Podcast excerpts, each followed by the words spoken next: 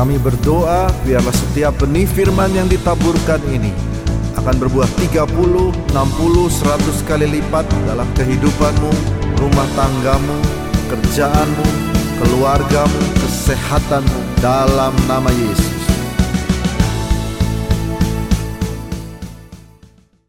Judul firman Tuhan hari ini adalah Miracle from Small Things. Mujizat dari hal-hal kecil.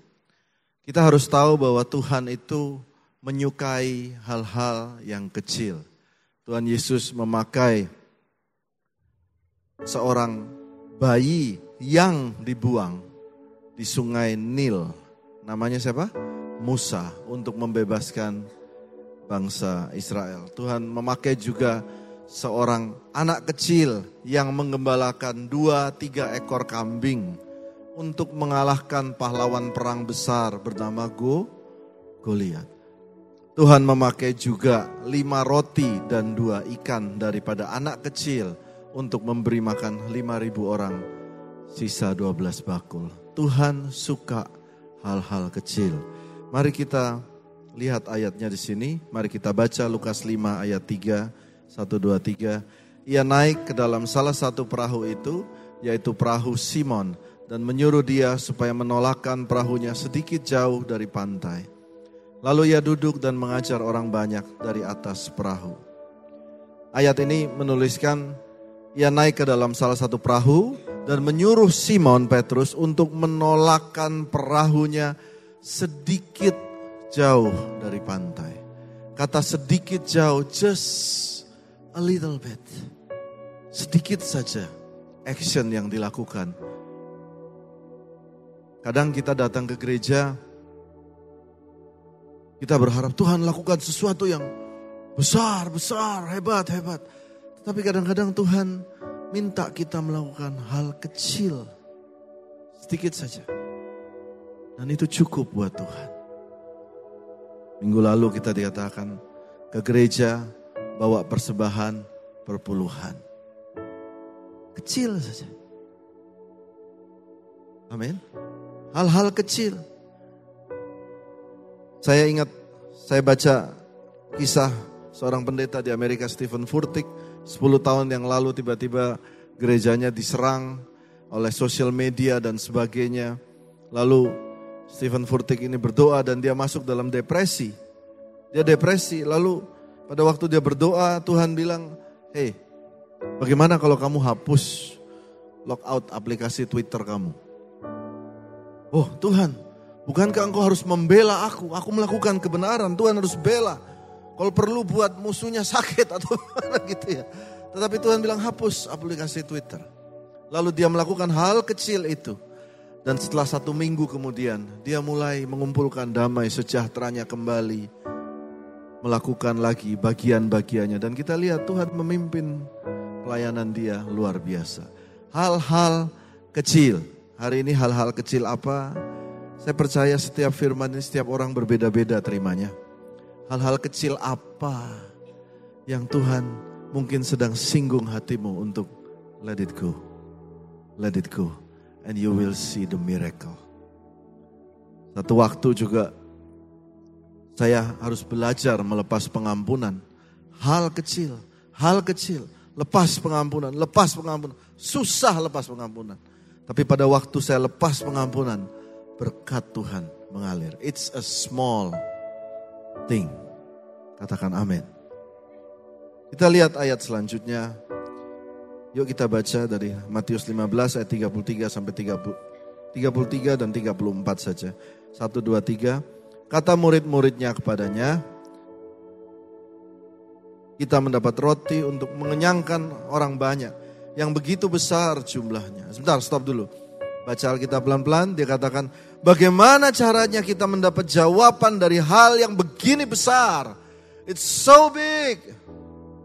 It's besar sekali, ini masalah besar Pak, ini masalah besar, bagaimana jawabannya? Lalu ayat 34 baca sama saya, 1, 2, 3. Kata Yesus kepada mereka, berapa roti ada padamu? Tujuh. Jawab mereka. Mungkin jawabannya bukan tujuh tapi tujuh gitu ya. Kayak orang Kupang kalau takut. Tujuh baba. Jawab mereka, dan ada lagi berapa ikan kecil? Dan berapa ikan kecil? Ya gitu ya. Lalu Yesus menyuruh orang banyak itu duduk, mengambil tujuh roti dan ikan kecil itu. Mengucap syukur. Eh perhatikan saudara. Ayat 34 saudara lihat ayat ini menarik. Saudara baca Alkitab ya. Ayat 34 dia tulis ada berapa. Dia, mereka menjawab berapa ikan kecil. Coba katakan ikan kecil. Satu, dua, tiga.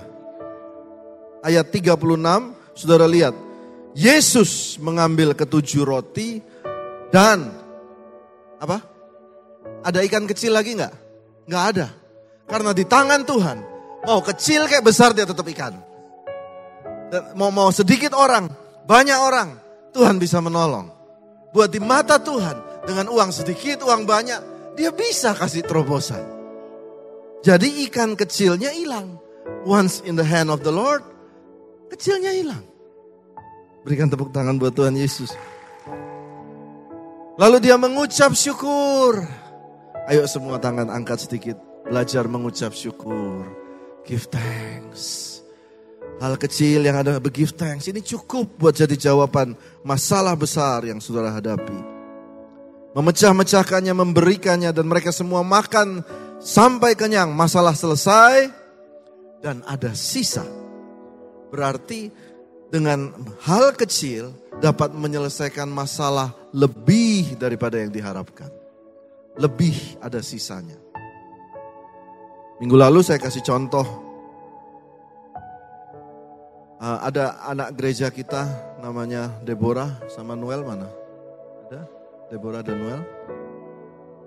Oh, Noel, coba berdiri. Eh, sini Noel. De Deborah mana? What? Deb, tidur Deborahnya. Aku ngopi dulu ya. Ini hal kecil saudara.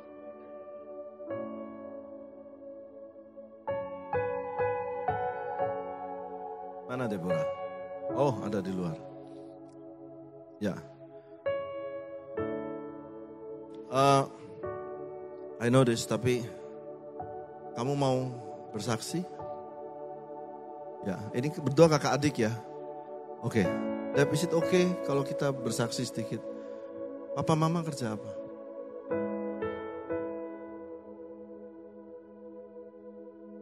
Papanya? Project online. Bagus, gak usah malu. Ya, kasih tepuk tangan. Di tangan Tuhan, semua. Dia gak lihat yang penting dia kerja. Gitu loh. Katakan amin. Ada di sini yang suka yang penting kelihatan hebat sosmednya. Oh, no need. No need. Just be what you are with God. Buat mereka, mereka berdoa, Tuhan, mereka ikut youth, mereka berdoa, Tuhan, kami punya mimpi untuk bisa kuliah. How many brothers, sister? Berapa? Lima bersaudara. Buat mereka mungkin ah sudahlah dengan keadaan. Tapi mereka percaya dan Tuhan dan dia melakukan hal yang kecil. Deborah melakukan apa? Bikin konten-konten ya. Dia pegang kontennya gereja JCC Kids, konten sekolah minggu. At JCC Kids, saudara tolong follow. Follow, comment, likes ya. At JCC Youth juga, mereka yang buat. Mereka buat JCC Kids, JCC Youth, satu hari mereka coba-coba apply di university, di universitas. Lalu mereka masukkan juga oh tentang membuat konten. Ternyata dari hal kecil mereka sudah belajar buat konten gereja. Dan universitasnya kasih beasiswa buat dua orang ini. Siapa bilang kecil? Kalau di tangan Tuhan, Tuhan gak pernah bilang kecil. Amin. Thank you ya. Hari ini harusnya saya kasih berkat buat kalian berdua tapi di Ko Michael. Minggu lalu aku bilang habis ya. Minggu ini di Ko Michael. Tetap berharap sama Tuhan. Oke. Oke. Small action. Oke okay, yuk. Bantu saya ya saudara karena saya hari ini tiga kali. Jadi coba menyimpan energi. Small action, mari baca sama saya kata small action. Satu, dua, tiga, small action. Hal kecil, lakukanlah yang bisa Anda lakukan. Ya, lalu kita lihat ayat selanjutnya. Masuk ke poin kedua. Mari kita baca satu, dua, tiga.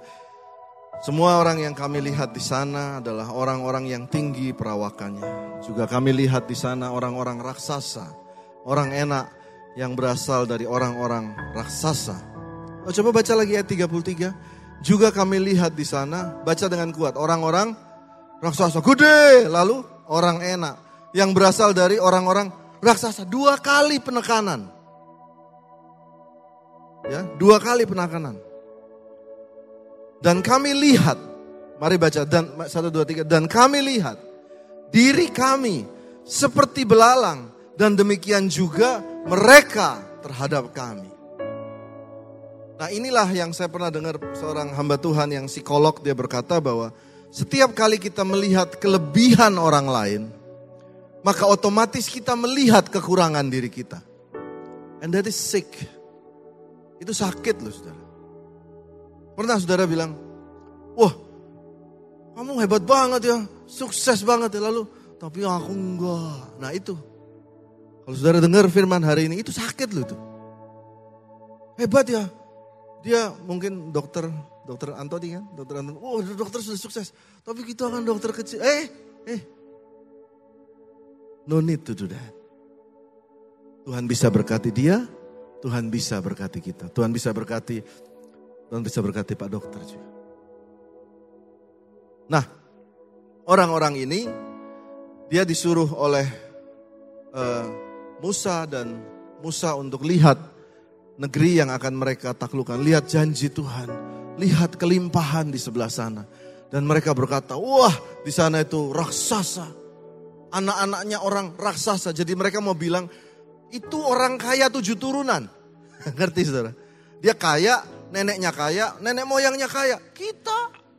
Ah, dia habis itu langsung begini kan.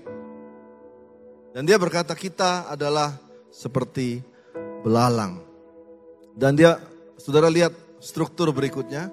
Waktu dia melihat diri mereka seperti belalang, maka struktur selanjutnya adalah orang itu juga melihat kami seperti belalang. Nah, ini mindset, saudara. Oke, saya kasih. Kemarin sama Dodo kan, ayo Dok. Coba Dok, maju dulu.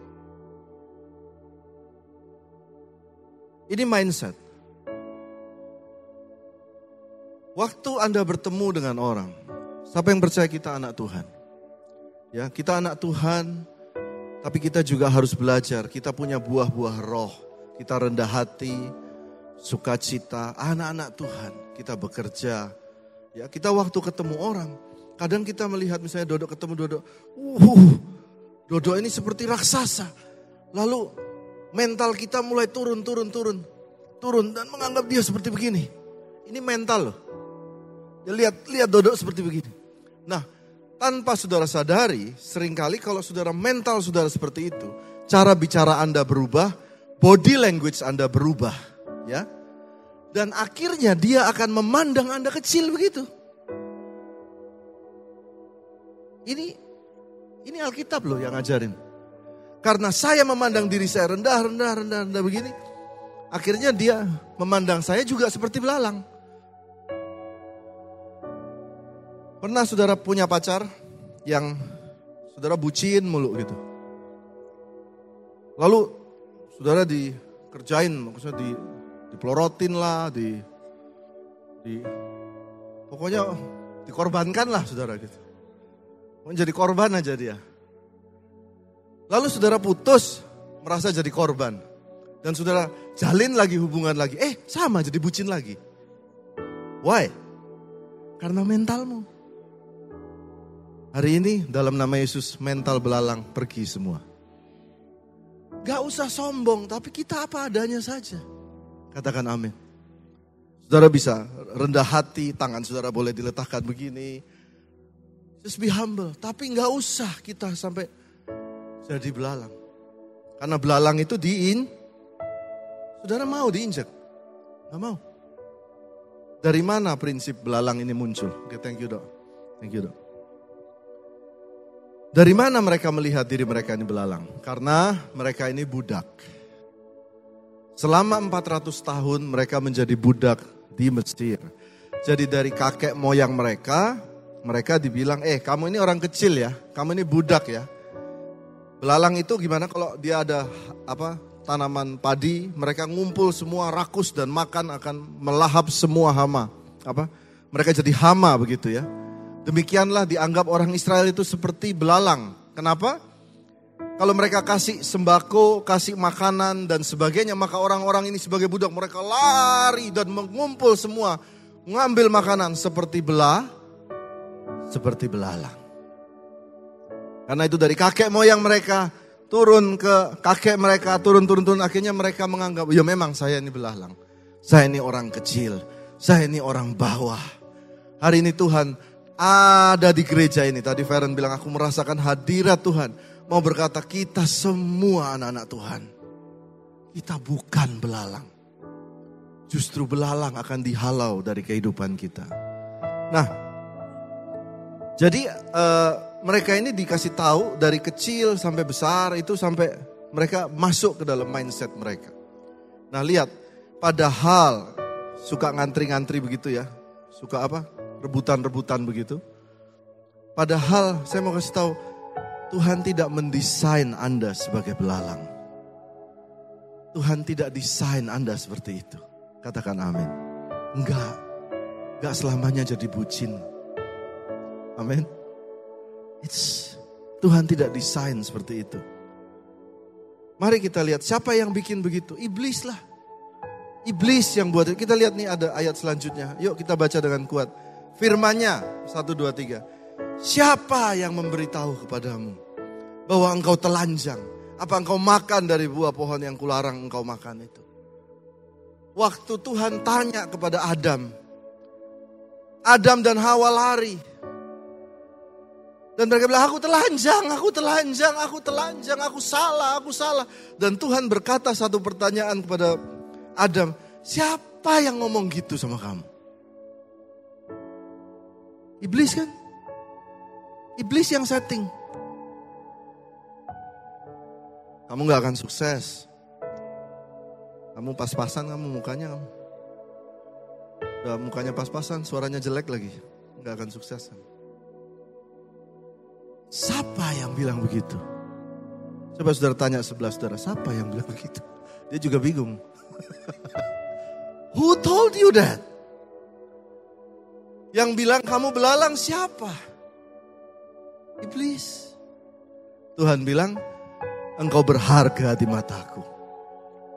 Ya, Tuhan berkata apa? Kebajikan dan kemurahan belaka akan mengikuti aku.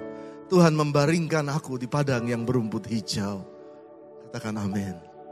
Itu yang Tuhan desain. Itu yang Tuhan desain. Jadi, masuk poin kedua adalah what do you see? Ya. Yang poin pertama tadi small action, yang kedua what do you see? Nah, kita lihat yang sekarang selanjutnya udah mau habis lalu kita masuk perjamuan.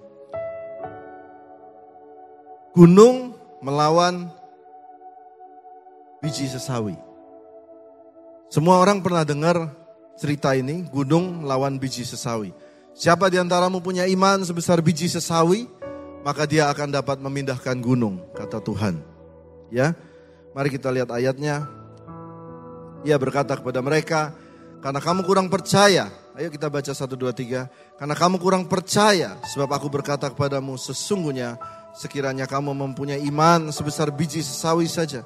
Kamu dapat berkata kepada gunung ini, pindah dari tempat ini ke sana. Maka gunung ini akan pindah dan takkan ada yang mustahil bagimu. Mari kita ulangin. Dan takkan ada yang mustahil bagimu. Ulang lagi saya kalian. Satu, dua, tiga. Dan takkan ada yang mustahil bagimu. Itu desain Tuhan.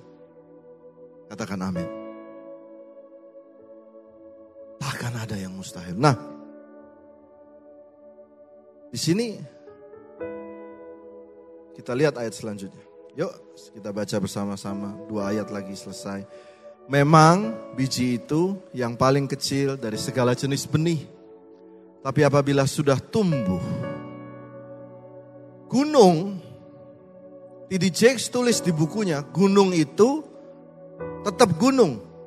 2000 tahun yang lalu, 3000 tahun yang lalu, gunung itu tetap bentuknya seperti itu.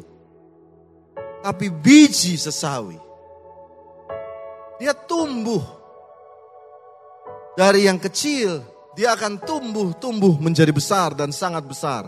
Gunung size-nya tetap seperti itu. Tapi biji sesawi, dia tumbuh, tumbuh, tumbuh, tumbuh, tumbuh, tumbuh. Katakan amin. Jangan meremehkan yang kecil. Satu waktu, sebuah kisah nyata, saya lupa baca biografinya seseorang.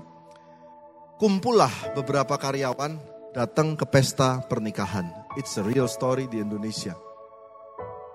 Beberapa karyawan ngumpul di pesta pernikahan. Dalam pesta pernikahan tersebut, semua makan dengan enak, makan dengan seru. Lalu karyawan-karyawan itu ngumpullah mereka di situ dan mereka mulai membicarakan, membicarakan. Terus mereka ngobrol, eh ntar lu mau jadi apa? Lu mau jadi apa? Dan salah satu karyawan ini kan mereka namanya sama-sama karyawan dengan penghasilan yang sama ya humornya biasanya mirip-mirip ya. Lalu gimana lu depan? Oh ya gue pengen ke liburan ke Bali. Lalu sampailah kepada karyawan satu ini. Ditanya kepada dia, kamu mau jadi apa? Ah aku pengen jadi konglomerat. Dan seluruh grup itu ketawa. Betul ya? Satu grup itu ketawa semua, karyawan-karyawan ketawa. Kecuali satu orang. Siapa yang gak ketawa? Ada konglomerat lain yang ikut dalam grup itu. Dia gak ketawa. Dan sekarang karyawan itu jadi konglomerat. Di hadapan Tuhan. Saudara berkata, tidak ada yang mustahil bagimu. Semua mungkin berkata, tapi Tuhan gak ketawa loh. It is possible for you. Benih itu tumbuh. Mari katakan bersama saya satu dua tiga. Benih itu tumbuh. Benih itu tumbuh. Yang penting bagian kita lakukan, yang kecil jalankan, jalankan. Pada waktunya pertumbuhan, Tuhan kasih pertumbuhan. Yuk kita baca betapa Tuhan suka memberikan pertumbuhan dan pertambahan. Mari kita baca satu dua tiga. Kiranya Tuhan memberi pertambahan kepada kamu, kepada kamu dan kepada anak-anakmu. Ini ayat bagus. Saudara boleh screenshot foto, taruh di profile. Jadi kalau saudara rasa kurang, ada ayat ini. Tuhan itu kiranya Tuhan memberi pertambahan kepada kamu, kepada kamu dan kepada anak-anakmu. Yuk, ini menarik sekali ayat terakhir. Setelah selesai berbicara, Lukas 5 ayat 4, Yesus berkata kepada Simon, bertolaklah ke tempat yang dalam dan tebarkanlah jalamu untuk menangkap ikan. Saudara baca ayat 5, 1, 2, 3. Simon, guru telah sepanjang malam kami bekerja keras dengan kuat dan kami tidak menangkap apa-apa. Tapi karena engkau menyuruhnya, aku akan menebarkan jala juga. Dan setelah mereka melakukannya, mereka menangkap sejumlah besar ikan. Sehingga jala mereka mulai koyak. Lalu mereka memberi isyarat kepada teman-teman dari perahu yang lain. Supaya datang membantunya. Dan mereka itu datang. Tapi nggak cukup dan kedua perahu itu dengan ikan hampir tenggelam. Lihat ayat ini, saya jarang lihat ayat ini. Tadi malam saya baru lihat dari Pastor Dr. Jerry Saville. Dia berkata begini, lihat baik-baik ayatnya. Now when he had left speaking, he said unto Simon, Launch out into deep, let down your nets, kata Tuhan. Lihat baik-baik, dia bilang, tebarkan jala-jalamu, kata Tuhan Yesus pada Simon Petrus. Lalu Simon Petrus berkata, Ya Tuhan, kami ini sudah bekerja sepanjang malam. Dan kami ini nggak dapat apa-apa. Tetapi karena engkau yang menyuruhnya, oke, okay, I will let down the net. Itu kata net singular, satu. Yang mengecilkan Tuhan itu kita. Tuhan bilang tebarkan jala-jalamu. Tapi Simon masih ragu-ragu, dia cuma tebarkan berapa jala? Satu. Apa akibatnya? Ditarik, hampir koyak jalannya. Lalu datang lagi perahu bantu, nggak muat juga. Apa yang kecil di mata kita, belum tentu kecil di mata Tuhan. Amin. Berikan tepuk tangan buat Tuhan Yesus.